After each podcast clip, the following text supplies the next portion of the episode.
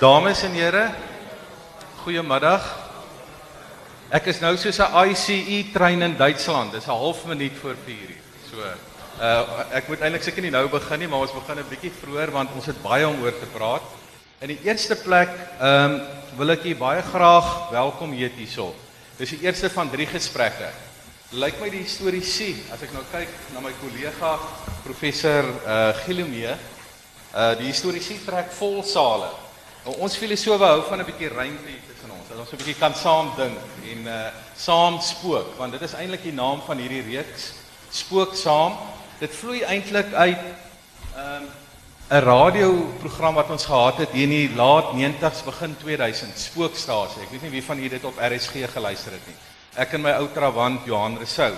Nou ons ek het dit toe begin noem Spook saam hierso, maar volgende jaar gaan ons dit noem as jy organiseer dit sal van nou en ek moet sê die opkoms is van 'n aard wat ons kan aangaan. Uh gaan ons dit noem ehm uh, nie net dink saam nie, maar woorde wat dink. Want eintlik as mens mooi gaan dink woorde en hierdie se woordfees. Woorde is uh as ons ons mensheid wil ten volle uitleef, gaan dit oor om in woorde te dink. En dit is wat hierdie 3 dae elke keer 4 uur by die Kaya is en ek wil sommer nou al ehm um, graag uh aankondig dat môre het ek 'n fascinerende gesprek met professor Andrei de Tooy wat seker eh, die mees onbekende bekende groot denker van Stellenbosch is. So ek hoop uh, u kan môre hier wees as Andrei de Tooy ook um, hier is. Dit gaan 'n besonderse gesprek wees oor amnestie. Dit gaan oor die WVK en moet ons sondebokke rondom die WVK uitsonder jy weet die hele ding rondom of oud minister Kobie Kutse reg onderhandel het of nie. Dis op die tafel môre wanneer ek en prof Andre dit twee gesels, maar dit gaan oor baie meer as dit. Gaan ook oor sy loopbaan as politieke filosoof. In my boek een van die grootste denkers wat hierdie land opgelewer het, Andre de Tooy môre en dan Vrydag het ek ook 'n fascinerende gesprek. Ek en nou Kaapenaars hier, Lindy, ek kan jou so half as ek nee, jy's eintlik soos ek 'n Vrystaater van 'n aard. Ehm um, ons meer 'n Kaapse dag vandag met prof Albert Groenling hier en dan môre met Andre de Tooy, maar Vrydag het ek 'n noordelike dag dan bring ek die wat ek beskou as die groot uh, een van die groot denkers in Afrikaans op die oomblik daar in die Gosen is Vrydag hier oor die begrip gemeenskap. Hy het pas 'n boek van 400 bladsye oor daai uh, begrip geskryf. En ek wil aan Johan Resou my ou ou spookstasie Trawand gaan ook hier wees. Ehm uh, dan gaan ons 'n lekker gesprek Vrydag hier 4 uur uh, oor 'n uiters belangrike begrip in ons eie tydsgewrig. Nou, dis 'n lang inleiding, ehm um, maar ek het nog so net 2 minute gebruik.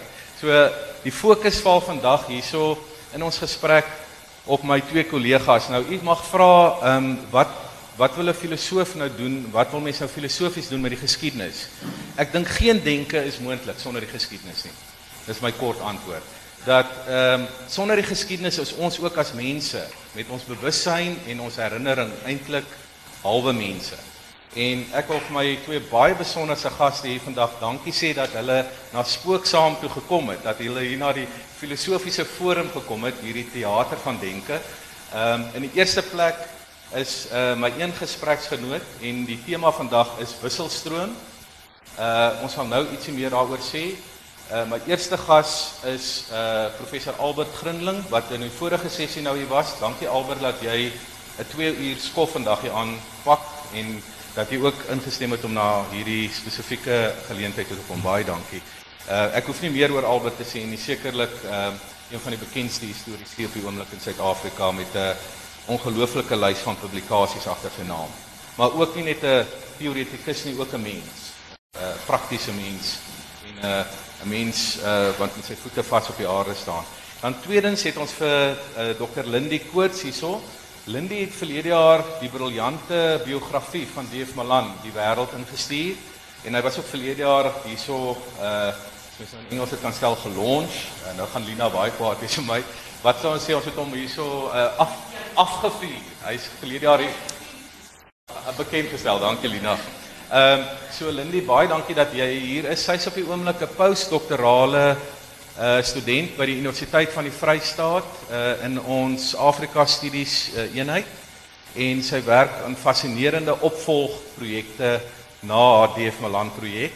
Dankie dat jy ook hierheen gekom het en uh, ek wil net vir u sê dat ons gesprek soos ek gesê het is wisselstroom. Dit gaan oor tendense binne die geskiedskrywing uh, in die Afrikaanse wêreld, maar ook breër as die Afrikaanse wêreld sê, maar want daar's baie Afrikaanssprekendes wat vandag ook in Engels publiseer. Nie omdat hulle altyd wil nie, maar dit is ook nou maar hoe die uh, internasionale mark daar uitsien. Ons gaan daaroor praat en dan die logistiek vir die dag is, jy wil nie die hele tyd vir ons hoor nie. Ons gaan net so 40, 45 minute besig wees en dan sal tyd vir vrae tyd. Dan sal my mikrofoon hierso rond beweeg in die gehoor. As u 'n dringende of 'n uh, belangrike vraag het om te vra, dan akkommodeer ons dit baie graag. OK, dan gaan ek nou sit en ek gaan sommer vir jou eerste vra Lindy want jy het die tema wisselstroom in ons midde geplaas. Wat bedoel jy met hierdie tema van die dag? Oh, dank baie dankie almal wat julle gekom het. Ehm um, Pieter is eintlik bietjie snaaks. Ek jy daai daai pad tussen Johannesburg en Bloemfontein raak baie keer lank. Mm, baie lank. En dan luister jy series wat uh, wat wat mense van my geslag seker nie gewoonlik luister nie en ek sit nou op op 'n slag op die lang pad en ehm um, nou begin ek Lukas Maree te luister. En ek luister sy liedjie oor sy ouma en die kikkies en ek geniet die liedjie nou verskriklik. En op een stadium praat hy so swing hy in die liedjie van weet in, in my pelgrimstog na gister blaai my wisselstroom gemoed. En die wisselstroom gemoed is nou my verskriklike mooi woord, net hierdie idee van van daai gemoedstoestand.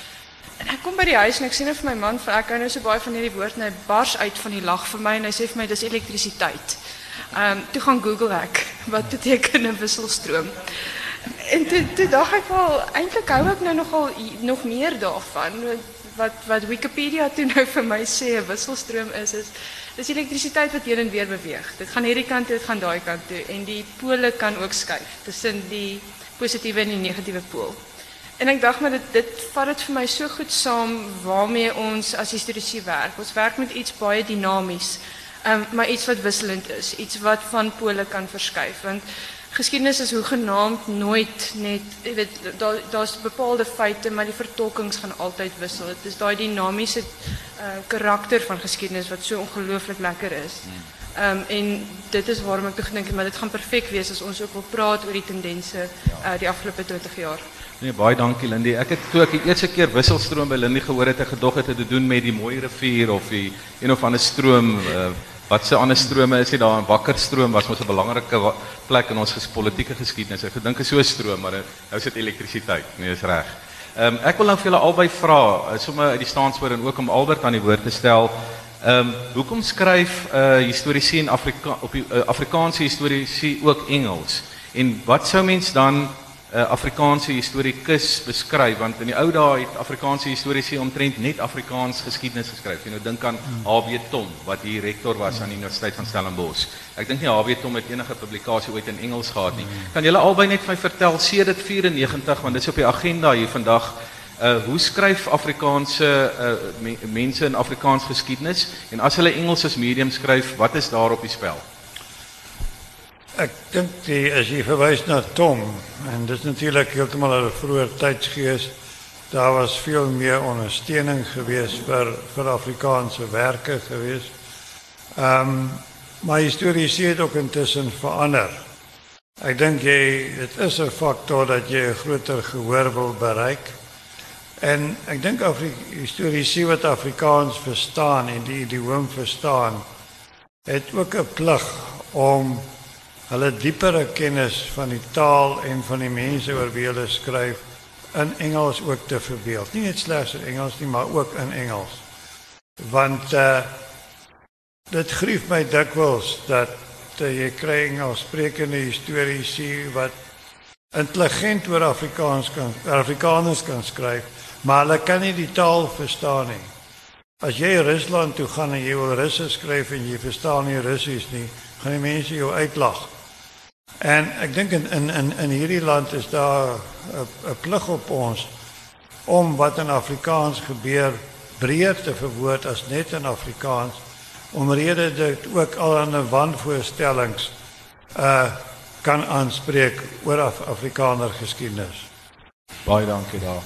Lindy. Ek dink dit is baie belangrik. Ek het gister met iemand gesels wat mense so sê daar is 'n behoefte onder Afrikaner historiese om Afrikaners aan die wêreld te verduidelik. Ehm um, en dit is die hele idee ook dat die jy weet ons is nie net 'n klein insulêre gemeenskap nie. Ons vorm deel van 'n baie groter, baie breër geheel. Ehm um, en dit gaan vir ons oor 'n breër vertolking in daardie opsig. Uh, wat baie lekker is is dat ons in al twee tale heen en weer kan gaan. Ek dink vir my om Afrikaans te wees en Afrikaans te praat is krities belangrik vir die werk wat ek doen, want dit is juist daardie Afrikaanse idioom. Jy moet 'n brief kan lees en kan sien as iemand besig is om sarkasties te wees of humoristies te wees, nie toon daarvan te kan aanvoel. Dit het jy, maar dit moet jy dit moet aan ander ook met ander ook kan deel. Ehm en wat dan nou baie wat in my geval 'n groot voorreg was as ek 'n uitgewer gehad wat my in staat gestel het om dit in beide tale te kan deel. Ja, ek dink die biografie van Lindy het amper soos Andre P Brink geskryf, nê. In beide tale gelyk uh, een boek uh en daaropsig het Brink uh was hy 'n baanbreker. Maar ek wil nou graag oorgaan na historiografie toe met julle beide. Ehm um, daar is die ehm um, redelik sekere situasie dat historiese tot 94 presies geweet waar hulle staan. Nee, jy het geweet wie is 'n meer marxistiese geskiedskrywer of 'n nasionalistiese of 'n liberale geskiedskrywer. Hoe sien julle die toneel van historiografie, die manier waarop mense skryf, die tradisies uh, waaruit hulle skryf in geskiedenis op die oomblik? Want ek dink dit bring ons in die hart van die gesprek. Wisselstroom, waar staan ons met historiese denke in ons in ons in die afgelope 20 jaar? Nou kijk, het is nou natuurlijk als je nou, uh, weet, toen student is, is het dan nou een van de eerste goed wat hulle vir jou leer. Het was die verschillende geskiedskole die afgelopen eeuw. En in Zuid-Afrika is dat nou altijd, dan wordt nou zo mooi voor ons geleerd, jy die scheiding tussen Engels sprekende en, en Afrikaanse historici gehad. Die vooral vroeg in die 20ste eeuw was meeste Afrikaner historici ook behep met die nationalistische project. So dit ook daar gegaan om 'n volksgeskiedenis te skryf en daai volksgeskiedenis het ook 'n bepaalde doel gehad. Die idee daarmee was dat dit die volk moet op, ophef deur aan hom sy geskiedenis te gee. Maar het 'n baie sterk nasionalistiese lading daarmee saamgekry. En soos wat die 20ste eeu dan nou aangegaan het, het daai lading eintlik bagasie geword uh, na ruk. Uh, binne die Engelse ehm um, sê gemeenskap uh, historiese was daar aanvanklik natuurlik die die bekende liberale historiese fokus is baie sterk op die rol van die individu in die geskiedenis. Um, en dan daar was 'n sterk bewuswording van die rol van ras ook um, in die vorming van die van die Suid-Afrikaanse Suid-Afrikaanse samelewing. En in die 1970s um, kom die meer wat hulle genoem het die radikale skool, meer marxistiese skool in. En dan word dan na Suid-Afrika gekyk in terme van uh, klassestryd. En in Suid-Afrika val ras en klas nou altyd ook saam. En die rasklasdebat was baie sterk in die 70s 80s, maar teen daardie tyd ook het Afrikaner historiese met hulle bagasie eintlik nogal redelik afsydig gestaan um, van hierdie debatte. Nie werklik daaraan deelgeneem nie. Jy kan nie werklik sê dat nasionalisme meer so sterk gepropageer het nie. Ehm um, my gevoel is na 94 dat die nasionalistiese raamwerk wat eintlik baie keer dink ek later soos 'n hok begin raak het weggeval het. Ehm um, ek dink daar's geweldige vryheid vir nuwe vertolking vandag. Ehm um, en ek dink daarso is nou juist die wisselstroom. Dit gaan in alle rigtings. Ehm um, dit word nie noodwendig wat my betref so beperk tot 'n bepaalde tradisie van geskiedskrywing nie. Albert op die punt kan jy ons ja, jou perspektief gee oor dit? Ja, die ehm um, dis 'n bietjie teruggaan weer eens dat ehm uh, Vir 'n lang tyd het die tipe nasionalistiese geskiedskrywing soos Lindy gesê het uh, oorheers. Maar dit is verstaanbaar geweest ook omdat dit reaksie was teen Engelssprekende liberale historiese wat Afrikaners op op op 'n neerhalende manier dikwels voorgestel het. Maar die pendulum het te ver geswaai en daar het 'n tipe geskiedskrywing ontwikkel wat ek op 'n stadium al genoem het 'n uh, eh, uh iets soos 'n uh, bulk op die bloedspoor geskiedenis. Dit is 'n uh, dis 'n nasionalistiese ding wat jy altyd soek na ewels en bloed en hoe jy verontreg is. En wat daarmee saamgaan het is ook 'n 'n kloek die keiser agterna geskiedenis wat jy eintlik wil skryf wat die volk wil hoor of wat die gesag dan wil hoor. Uh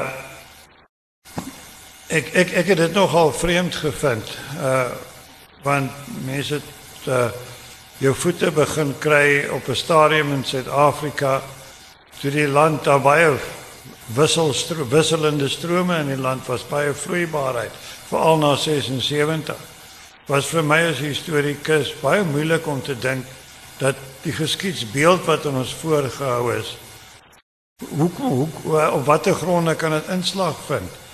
Um, byvoorbeeld die eerste werk wat ek gedoen het oor die handjobbers en joiners as ek daarna kan verwys.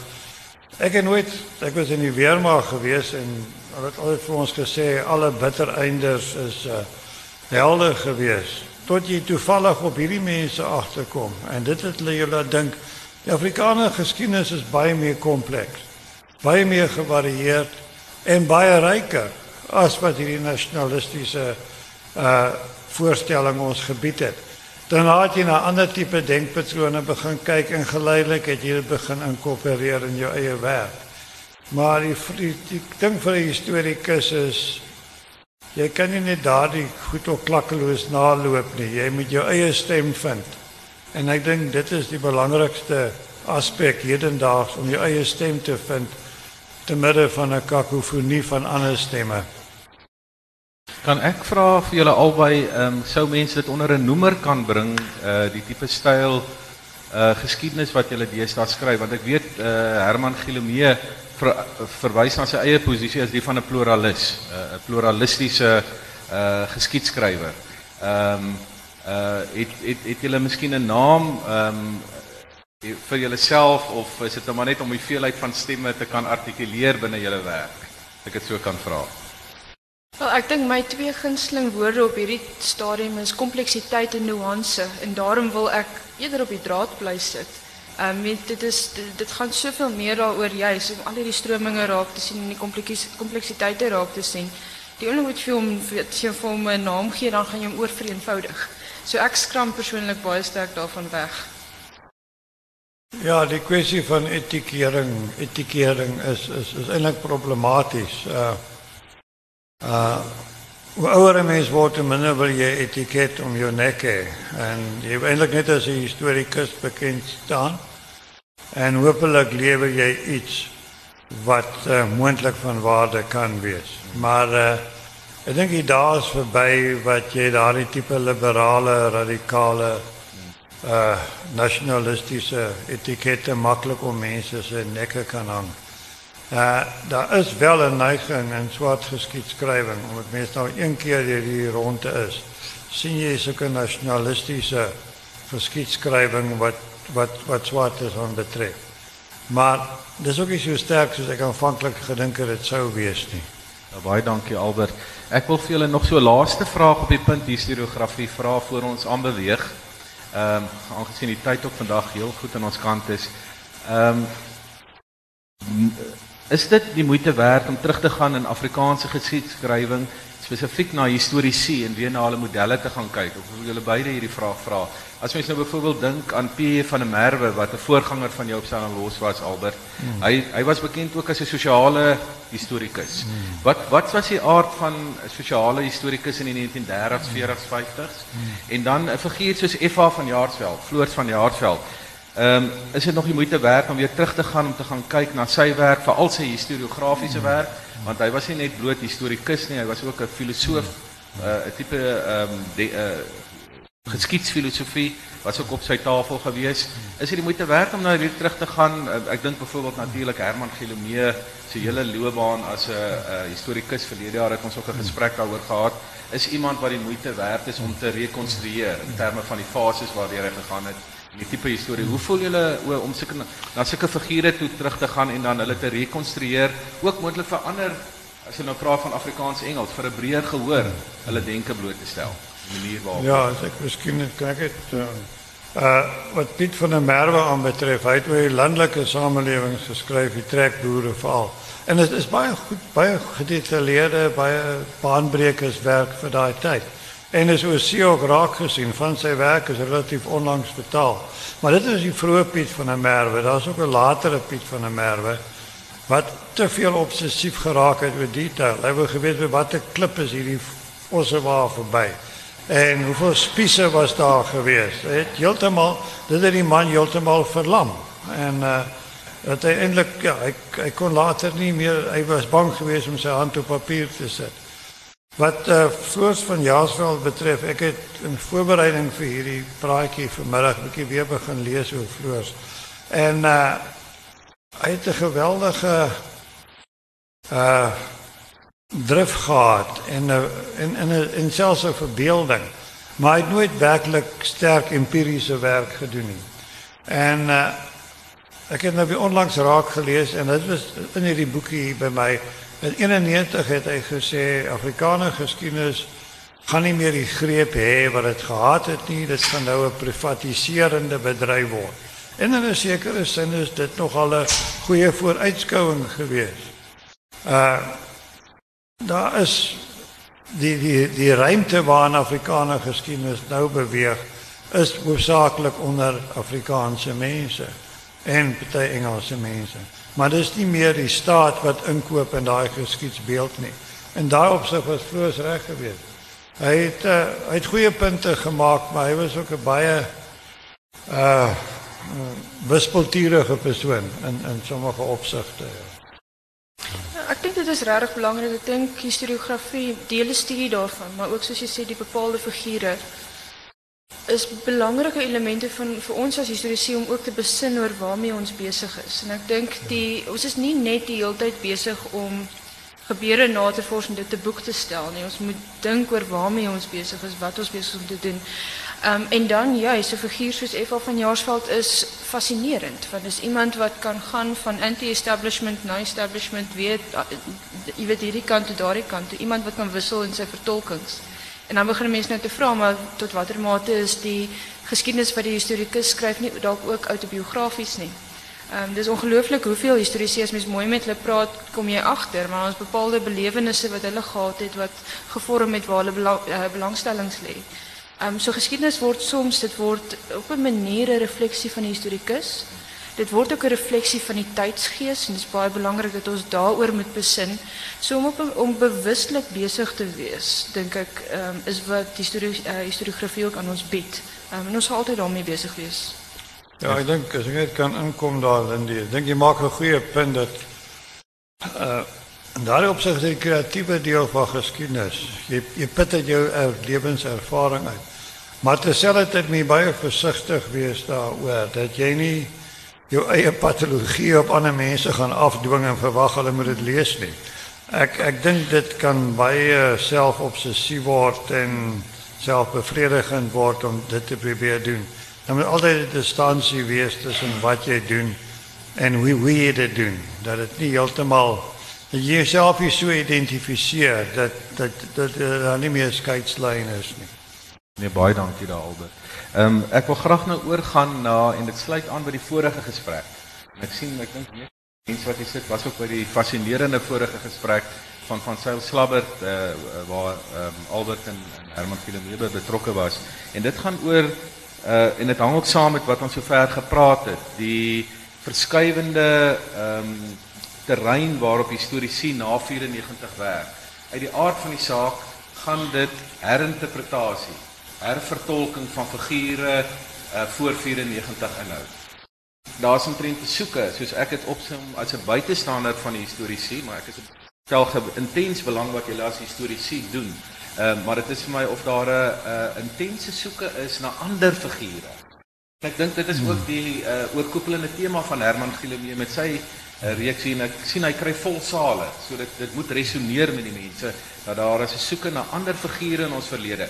Beteken dit dan dat die konvensionele figure uitskuif? Uh moet ons nuwe figure uh rekonstrueer en daar's van Seil Slabbert 'n baie goeie geval. sien Jan Smits maak 'n terugkeer van 'n aard. Uh hoe voel julle oor uh hierdie figure want ek vra hierdie vraag ook in die agtergrond van Herman Gilmoe se boek Die Afrikaners. Uh, hoe zien jullie dat uh, en hoe moet dit aangepak worden? Nou, kijk, ik denk, dit is, dit is geweldig interessant. Ik denk, dit is waar het voor mij tekenend is dat die veld sedert 94 zo geweldig verbreed heeft. En het is een gedachte waarmee ik dan eigenlijk nogal geweldig bij rondspeel. Um, ik beschouw uh, Herman Gillemese boek van Die Afrikaners als die belangrijkste of die, die meest invloedrijke boek in geschiedschrijving in de afgelopen 20 jaar. Uh, in Afrikaanse geschiedschrijving. Nou. Um, en wat voor mij natuurlijk nou opgevallen het in zijn boek is net hoe die narratief verbreed wordt en hoe die narratief geskei wordt weg van die.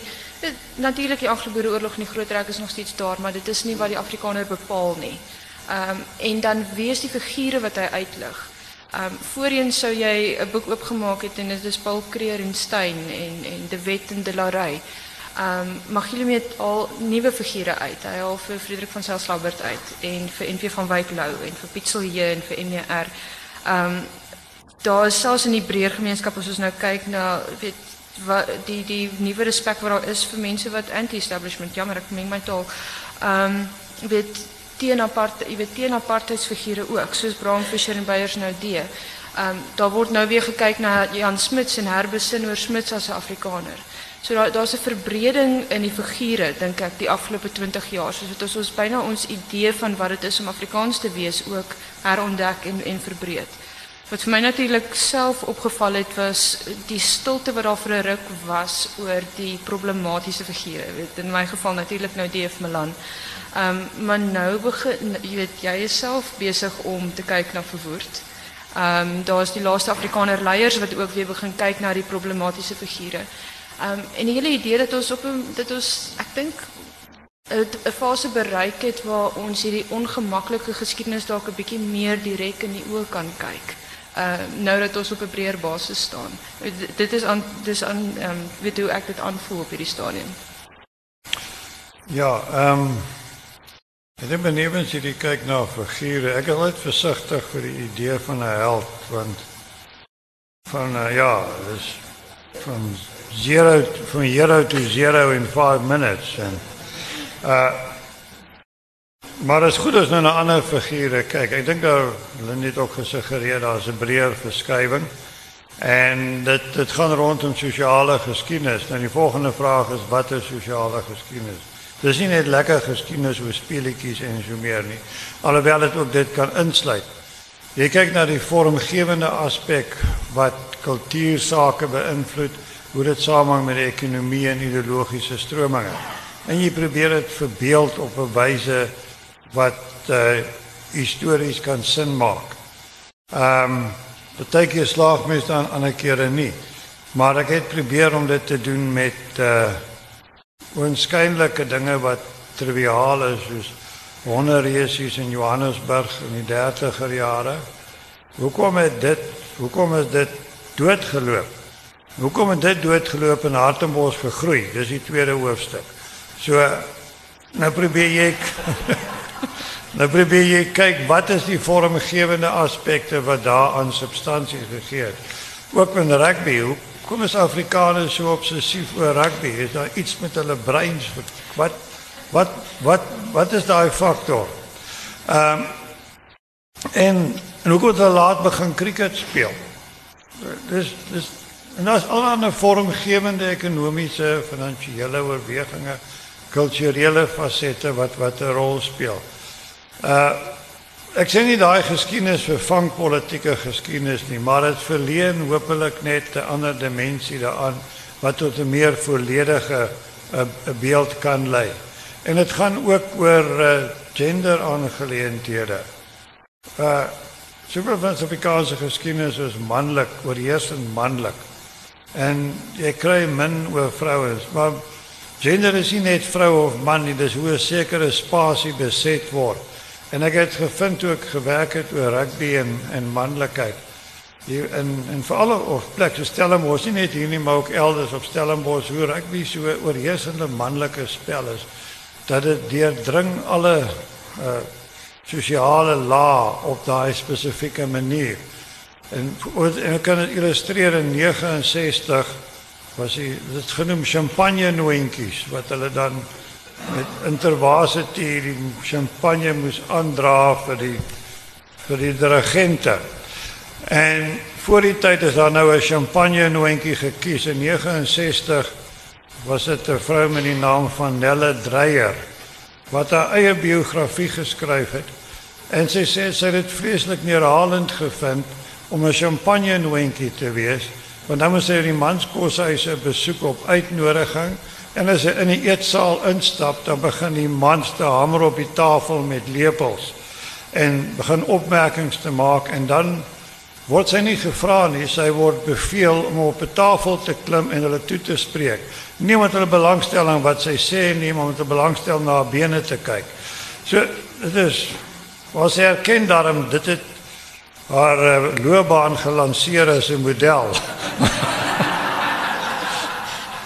maar dit nog altyd 'n seer punt gelaat. So ehm um, ja, so dis daai tipe manlikheid wat wat wat wat homself uitspeel en en wat mens verder kan besoek want uh meeste van ons is gewone mense en ons het 'n gewone tipe familie. So daai mense se geskiedenis word nie opgeteken nie, maar dit moet in 'n op 'n houdbare manier gedoen word en 'n oortuigende intellektuele energie verteenwoordig.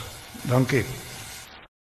Ja, ek dink kyk selfs met met die hierdie goeie skakel alles so aan een. Ek bedoel my sterkpunt lê natuurlik by politieke geskiedenis. Ek is weer nie so sterk op sosiale geskiedenis nie, maar die goed is altyd verweef. Jy kan nie na Afrikaner politiek kyk as jy nie die armblanke vraagstuk ehm um, byvoorbeeld in ag neem nie. Ehm met gender ook byvoorbeeld, daar jy weet waar waarvan ek baie hou wat gebeur het die afgelope 20 jaar is, is daar word ook krities daarna gekyk, ook met vroue geskiedenis. Dit was altyd vreeslik baie maklik om die Afrikaner vrou te roem, weet die die die martelaar, weet die die sterk vrou wat nie regtig nie uh, nie regtig kalfoet oor die Drakensberg gestap het nie, maar ten minste gedryf het om dit te doen. Um, en die die, die wat die Anglo-Boereoorlog gegaan het. En daai hele beeld van die volksmoeder wat geskep word as die morele anker. En wanneer ons dan vandag kyk is om te sê maar dan beteken dit tot watter mate is vrouens eintlik ook deel van die nasionalistiese projek. Ehm um, tot watter mate skep self weer die beeld om um, politieke deelname te verkry. Tot watter mate word die deel word die beeld aan hulle oorgedra deur manne ook. Tot watter mate beperk hierdie beeld hulle tot 'n vroulike rol. Ehm um, so daar's daar's daar's soveel verskillende ehm um, begrippe waarmee ons hier werk, maar dit wys ook so vir my die verweefdheid um, van alles wat ons in geschiedenis bestudeer. Ja, fantastisch. Ik uh, so lekker om van die historici te horen hoe hulle veld net uh, ontwikkel en daar's nuwe dinge wat die hele tyd gebeur. Kan ek uh, ek wil so vir 'n oomblik terugkom Albert veral na jou toe Malindi, jy kan ook inkom. Hierdie dekade 60, 1960s. Weet ek is 'n dekade waarop jy ehm um, baie fokus. Want dit is eintlik verrassend. Ek dink Lindy, ek het net ook al daaroor gepra gepraat dat daar's eintlik relatief min geskryf oor die 1960s uh oor Suid-Afrika. En dis 'n fascinerende dekade as jy dink as die dekade van verwoerd, dis die dekade van republiekwording, dis die dekade van die Oranje rivier projek, dis die dekade van die kernwapens wat ontwikkel word. Dis die dis die dekade van Albert die ryk word van die Afrikaner, die bourgeois jy weet die voorstede, die cortinas en al die dinge wat na vore tree. Wil jy nie ietsie daaroor sê nie want dit skakel eintlik ook in om hierdie onbekende momente weer op te roep ja. en te rekonstrueer in ons eie tyd. Ja, dis eintlik 'n lesing in sy eie reg. Ehm um, die ehm um, ja, ons ons weet as jy genoem het van verwoord te Sharpel al daai apartheid en so meer. Maar onder onder daai eh, is daar ander strominge ook geweest. Die uh, ekonomie het gemiddeld teen meer as 5-6% gegroei vir 'n dekade. En Afrikaners het al meer welvarend geword. daarmee was daar 'n verskuiwing van kultuur geweest. Ou kulturele patrone het begin verval of is moeiliker geweest om in stand te hou. Uh dis ook die dekade van trustbank en trustbank poppies wat nooit van tevore so sulke mense in 'n bank gesien het. Onder Jan Esmerer het dit gebeur. Uh daar was uh motors het al hoe meer leaks geword. En Cortinas is vir arme mense gewees, hoor. Mercedes is vir vir is uh vir welvarendes gewees. Daar's gesê in die skaapboere, nou ek het ruk gebly Baaklie Oos as hulle as hulle uh as die asbak vol was het hulle die kar geïnruil vir 'n nuwe ene in 1955. So daar het materiële kultuur ontwikkel wat vandag nog met ons is. Ek dink as jy in 1966 nie op die bus gekom het nie, dan het jy probleme gehad as 'n wit persoon in Suid-Afrika. Uh ja, dit dit dis kortliks daai tipe dis nie net sosiale geskiedenis handel nie net oor gemarginaliseerde groepe nie. Dit kan ook oor die middelklas handel. En ek dink as die middelklas nie so sterk ontwikkel in 1960, vroeg 70s die So de Klerk 20 jaar later of omtrent 20 jaar later baie moeiliker tyd gehad het om verandering te koop, te verkoop aan sy konstitusie, aan sy uh, kiesafdelings, want hulle was al klaar selfversekerd geweest. Hulle het nie meer apartheid nodig gehad nie. Uh dis ook 'n faktor wat jy kan terugvoer na die 60s toe. Dankie, Pieter. Nou net is net baie snaaks ek dink einste in hierdie lesing van uh die Afrikaner Nouveau Riche wat die verwys na die staatsamptenaar beige Mercedes. Nou my oupa was 'n staatsamptenaar met 'n beige Mercedes. Ja. Um, dit is dit is werklik ook. Dit is uh Afrikaner ervarings is is in daardie opsig ook breed, maar dit is ehm um, soos jy sê Pieter, daar is eintlik buite hier vir baie min oor die 60s geskryf. Ons is baie lief daarvoor om te skryf oor 'n worstelstryd. Wanneer is die Afrikaner onzeker van homself, maar wanneer hy gemaklik is, is daar ook 'n storie om te vertel. Ja, nee, baie dankie Lindy. My oupa was ook 'n staatsamptenaar. Hy het 'n grys Mercedes gery. Ek het bly, ek weet daar was 'n spesiale Mercedes, so Broederbond Ivory Mercedes. Dis ek dink hier voor. Hier voor kleur Mercedes. Ja. Ehm um, ek wil begin einde se kant toe staan met ons gesprek en dan gaan ons vir die gehoor dit oopstel. Ehm um, ek wil baie graag na die Anglo-Boereoorlog toe terugkeer omdat dit uh, so 'n belangrike uh, moment in die Afrikaanse geskiedswêreld is, maar ook omdat daar so 'n was hier rondom 19 uh, eh, rondom 2000 en um, ek neem aan soos ons gesprek nou vorder dat julle ook sal sê die terugkyk, die rekonstruksie en die herinterpretasie van die Anglo-Boereoorlog is ook meer genuanceerd. En het verskillende ehm daar rondom. Nou Albert jy het intensie oor gewerk en jy het eintlik jou reputasie aanvanklik gebou rondom jou werk uh, rondom die Hense die Hensoppers en die Joiners. Kan julle bietjie iets daarmee oor bietjie iets oor die Anglo-Boere oorlog sê en dan spesifiek ook Herman, ag nee Herman en Albert oor die twee publikasies van jou wat 'n uh, ruk gelede verskyn het in of in die, die, die uh, afgelope tyd. Ja, ek ek ek dink die die onlangse publikasies het 'n 'n lang geskiedenis self dat mense soos ek en Bill National betrokke was by die boek het reeds vroeg begin ander perspektiewe en dis nie dat mense net breër gelees wat in oorloë gebeur en ook in ander ander oorloë en dit het jou attent gemaak op sekere goed wat in jou eie plaaslike oorlog plaasgevind het. En dit gaan ook daaroor gegaan veral oor vrouens en selfs kinders om hulle agentskap te gee, hulle nie net voor te stel as slagoffers maar ook te laat blyk dat binne daai omstandighede het hulle nog steeds hulle self laat geld. So jy wou eintlik weggekom het van daai bulk op die bloedspoor geskiedenis wat ook vir vrouens gegeld het en hulle voor te stel as normale wesens wat onder moeilike omstandighede ook verhoudings gestig het met swart vrouens ook. Ek dink daar's te veel swart-wit strydverhoudings in Suid-Afrika, nie genoeg oor waar wit en swart mense eintlik saamgewerk het ook nie.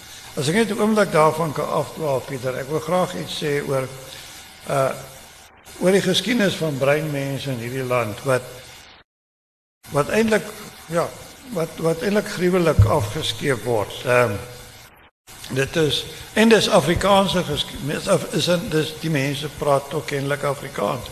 Maar ons het nie werklik geskiedenis wat dit weer speel van wat platlandse breinmense hoe hulle self laat geld het wat het hulle beleef nie. Man my naam van Charles van ons het 'n baie goeie boek geskryf oor die Wes-Transvaal. Kasmahin, 'n uh, uh, deelsaaier. Ons het nie 'n soortgelyke geskiedenis van plaasarbeiders in die 20ste eeu en laat 19de eeu op die uh, in in die Boland nie.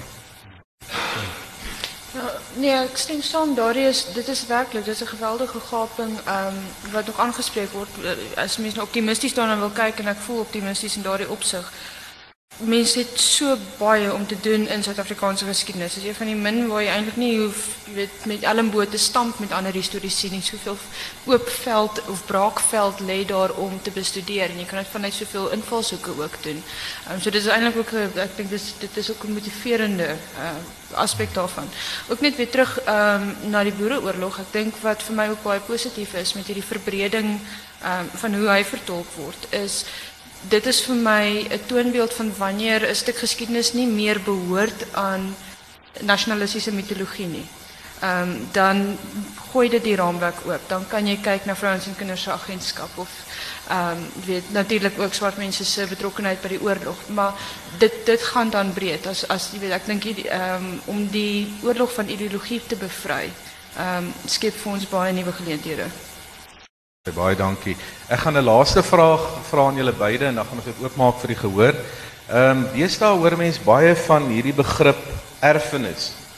Nee, heritage studies, is nou die uh gewilde woord in Engels, herdenking, herinnering. Ek persoonlik hou baie van die begrip herinnering of die politiek van herinnering. Ehm um, kan julle net ietsie daaroor sê wat waar waarheen lei die uh, nuwe tendense van geskiedenis? Ehm en is daar, ek dink jy het dit al so uh aangedui, is daar vir jong mense toekoms ek dink persoonlik is daar's nou meer meer tyd is ooit vir jong mense om filosofie en geskiedenis te studeer. Ehm uh, maar dis nou maar my persoonlike mening, maar kan julle net ietsie daaroor sê in hierdie nuwe velde wat oopgaan binne wat ons gewoonlik geskiedenis as geskiedenis beskryf het? Ja, ek dink wat erfenis doen of wat herinnering ook doen is dit is uh, vir my tot 'n mate beteken dit ook geskiedenis word so 'n bietjie bevry van die historikus miskien. Dit natuurlik moet wel altyd histories korrek wees, maar geskiedenis behoort nie aan die historikus nie. Dit is ook nie dat ons dit noodwendig sit en beheer nie. 'n Samelewing neem dit ook en hy omvorm dit en vervorm dit en hy het om te onthou en dalk nie te wil onthou nie. Ehm um, daar is ook, ek dink dit is 'n veld op sy eie natuurlik en dit word baie keer ook as 'n veld op sy eie hanteer. Ehm um, hoe kry hy 'n tweede lewe uh, wanneer hy van die bladsy afspring uh, na 'n monument toe of 'n program toe of 'n gesprek? Ja, die kwestie van erfenis of heritage is, is dit wat 'n samelewing besluit wat die moeite werd is om herinner om uh, 'n bewaring te hou.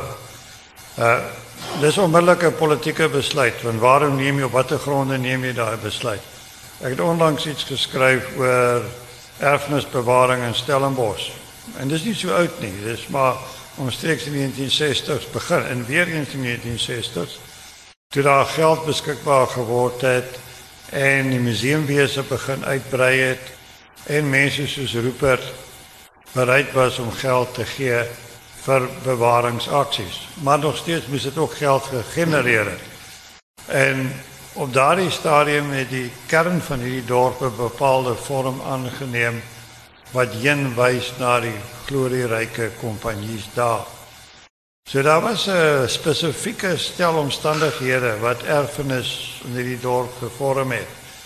En hierdie erfenis kan natuurlik verander ook. Uh, Ek dink dit gaan oor 20 jaar of selfs 10 jaar nou nog lyk soos dit lyk nie. Uh wanneer 'n ander stel omstandighede nou weer homself laat geld nie. Ja, ag en dan as jy as jy praat van waarheen gaan dit met die nuwe geslag histories sê ek vind dit natuurlik 'n uh, absolute vreugde uh om net die veld te wees, maar ek dink daar's baie jong historiese wat tans besig is met PhD's of met nadoktorale genootskappe. Um, en wat ook voor ons baie positief is, is ik denk ons wereld is geweldig verbreed. Daar is voor ons baie geleentheid om internationaal te reizen en te studeren. Um, ons het baie interactie um, in Zuid-Afrika, binnen Zuider-Afrika, um, Europa, Amerika. Um, en ons, die, dit, ons beperk niet tot een bepaalde groep wanneer ons ons geschiedenis schrijft of wanneer ons interactie met elkaar heeft. Ons vraagt ook nieuwe vragen. Um, waarmee, ons, waarmee ons ook de hele tijd bezig is. So ik denk, geskiedenis mag dalk ja, weer eens hy sal aanhou wissel. Soos wat ons aangaan. Ja. As as jy so oor wissels praat, dan dink ek altyd aan my vriend Gert Vloknel se liedjies van die chanting van treine.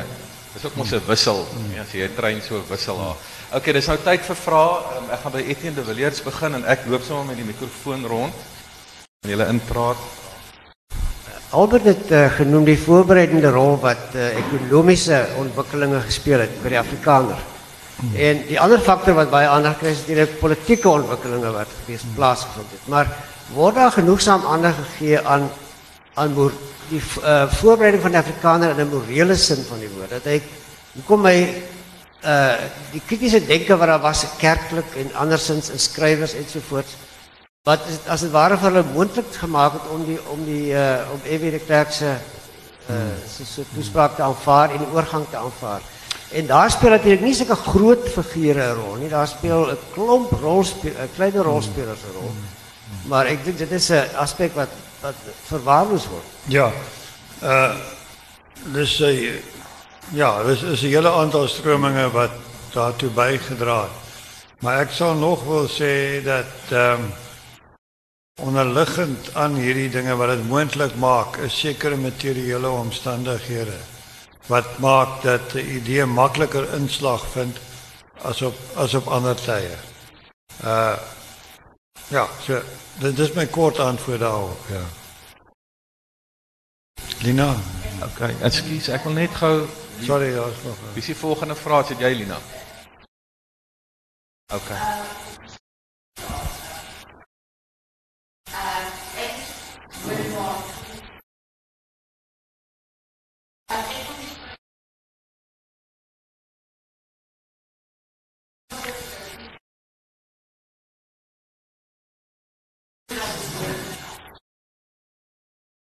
Mm.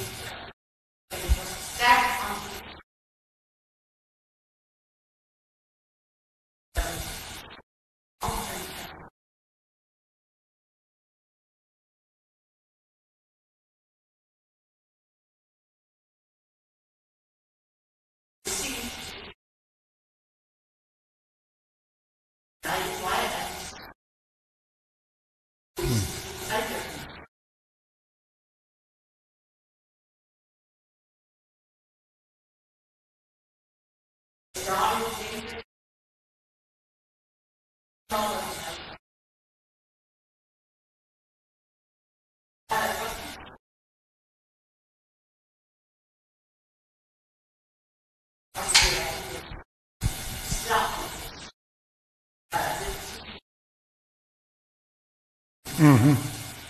Ja, dit was dat hulle hulle eie lewe begin skep in hierdie kampe. Dit het nie vir hulle net om leiding gegaan nie.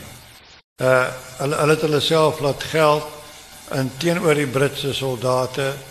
Uh hulle het nie net uh ehm um, hulle het verhoudings gestig met swart vrouens.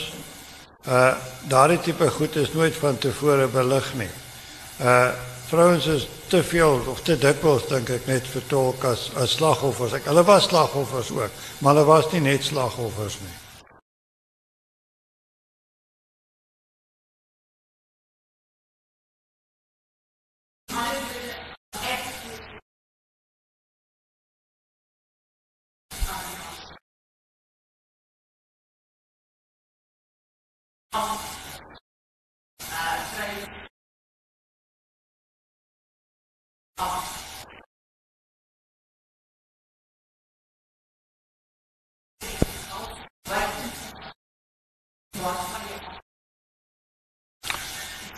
Ja.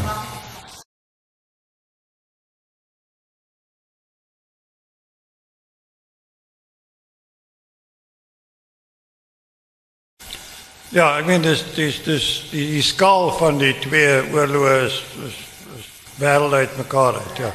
Ja. Jan. Dankie Pieter. Uh, Jan Liebenberg, uh, Militêre Akademie, fakulteit Kruiskunde Stellenbosch. Dis dis ehm um, halfpad kommentare en halfpad vrae uh kollegas die my een is ehm um, my positiewe gevoel oor byvoorbeeld om die sosiale element in te bring Albert as 'n mens kyk nou byvoorbeeld die beskrywing van dienspligtiges en vertellinge van hulle ervarings onder apartheid. Tye van die transferensie operasies en so. Victoria doelbewus Suider-Afrika probeer beduiwel het. Ek vind dit geweldig goed en eintlik 'n wonderlike versterkende ervaring om te sien dat hulle generasie toe jong mense was wat nou heel heel wat ouer is. Ehm um, hierdie goed begin vertel dat 'n ou op 'n op 'n manier onwerklike wêreld van 'n Malang en 'n Janie Geldenhuys nou baie meer krities vraagteken hmm. word deur mense wat net hulle eie verhaal hmm. vertel sonder dat hulle noodwendig historiese is. Graag jou kommentaar daaroor wil hoor. En die tweede ding is weet jy of ek nou soos Milan Kundera lei aan 'n versigtiging of 'n litos verlange na die verlede nie. Maar ek dink die marxistiese en radikale geskiedskrywing is 'n uitbreekbare struktuurrusting wat ons tans onder gebruik. As ons meer kyk na wat het gebeur klasse vlak in Suid-Afrika. tussen uh, 1990 en vandag. Ja. Uh, kan ons 'n baie meer uh, standhoudende en nie rassige argument bou vir hoekom die huidige regime nie 'n werkbare alternatief kan wees. Ja, uh, Daar's die boereoorlog. Ek was teleurgestel en ek sê 'n kommentaar daarvoor hoor 2000 dat so min mense daai oorlog en die her herinneringe daaraan gebruik het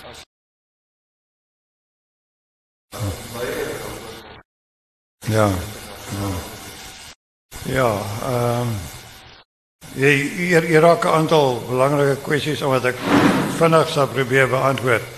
Die die een is oor die herinnering aan die oorlog. Jy vind dikwels dat daar tyd verloop voor dit na vore kom. Vietnam oorlog, dieselfde Anglo-Boereoorlog, dieselfde. Mense het eers 20 jaar later, 30 jaar later werklik daar begin oor skryf. Daar's verskillende redes daarvoor wat ek nie nou kan ingaan nie. En die tweede ding is ja, ek stem 100% saam met jou. Ons kan weer doen met 'n goeie dosis radikale analise veral wat die swart elite aanbetref. En uh en ook dit is ook vir my 'n taaldimensie. Ek kom nou weer terug na breinmense. Toe Afrikaans is die enigste taal wat 'n elite taal is sowel as 'n gewone populêre taal onder uh onder onder brein en, wit mense. Engels is 'n Engels is 'n elite taal. Swartes gebruik dit nie altyd op 'n elite manier nie, maar uh, maar dit dit is Afrikaans is 'n samevoegende dit sny oor alle klasse heen. Maar ons het daai tipe klasse analise nodig. Dan oor die Anglo-Boereoorlog, ja, ek uh met versigtig wees hierdie herinneringsgeleenthede het nie altyd die uitwerking wat mense dink dit sou hê nie, ja. Sê ons hardloop by tyd uit. Hierdie gaan die laaste vraag wees. Ek nou jammer dat ek dit moet doen. OK. Dit is net twee twee kort vragies. Die een is uh, ons het nou nog glad nie iets gehoor vandag van die verregse politiek nie. Uh watter ehm um, plek neem dit in die historiografie in in Suid-Afrika? Uh is dit 'n issue? Ja. Uh om dit so te stel. En dan net 'n ander ding ook wat daarmee verband hou. Ek het uh ek het Fleurs van Jaarsveld se teer en veer uh ges, historiese gebeurtenis bygewoon. Ehm um, doen maak die historiese projeksies uh in 'n sekere sin ook as deel van hulle interpretasie van die geskiedenis of is dit nie op julle horison nie? Ja, uh ja, oor die regse politiek daar daar is daar is werk wat daaroor verskyn, maar ek dink as jy al die sosiale media bekyk op webtuistes van regse groepe is daar bloedstollende geskiedenis wat nog daar te vind is, ja. Uh, historiese skuil gewoonlik wat betref projeksies agter die ja, die feit dat jy die verlede is meer kompleks as die as die as die verlede. Maar uh, ek dink met 'n goeie historiese agtergrond kan jy jou waag aan 'n aan 'n aan 'n 'n 'n profesie. Uh jy het historiese wat al vroeg in die 60e jare voorspel het apartheid kan nie hou nie en uh die verlede werk daarteen maar hulle kon nie presies voorspel wanneer dit gaan gebeur nie. Geskiedenis is nie 'n GPS nie. Maar maar dit kan vir jou 'n dowwe buitelyn gee. Okay. Goed, ek wil net uh Lindy wil jy nog 'n laaste woord sê? Ja, nee nee, ook op die projeksies. Ek dink die groot ding is historiese het die vermoë om patrone raak te sien. Maar wat ons ek dink waar ons verskriklik versigtig is, jy weet ek sien selfs vandag sien ek soveel patrone en ooreenkomste met die tydperk na 1910 byvoorbeeld. Ehm um, maar dan terselfdertyd het ook moet ons ook vandag kan sê maar wat is nou anders of uniek in hierdie omstandighede wat hierdie patrone in 'n ander rigting kan stuur as van tevore en waarvoor mense ook bitter versigtig moet wees is om te sê wel maar daar was 'n wenresep in die begin van die 20ste eeu uh, net maar met die op, opheffing van die armblankes kom ons herhaal hom weer want dit gaan nie weet die geskiedenis is ook nie 'n resepteboek nie. Ehm um, so ek dink mense mense sit so die hele tyd in daardie komplekse verhouding tussen die hede en die verlede. Baie dankie Albert en ook aan die gehoor. Ek sou graag nog 'n vraag of twee wou toegelaat het. Ons kan natuurlik buite die saal gaan hier nog daai vrae vra aan ons twee gaste. Uh baie dankie en ek hoop ek sien u môre hierso by Spook saam. Baie dankie.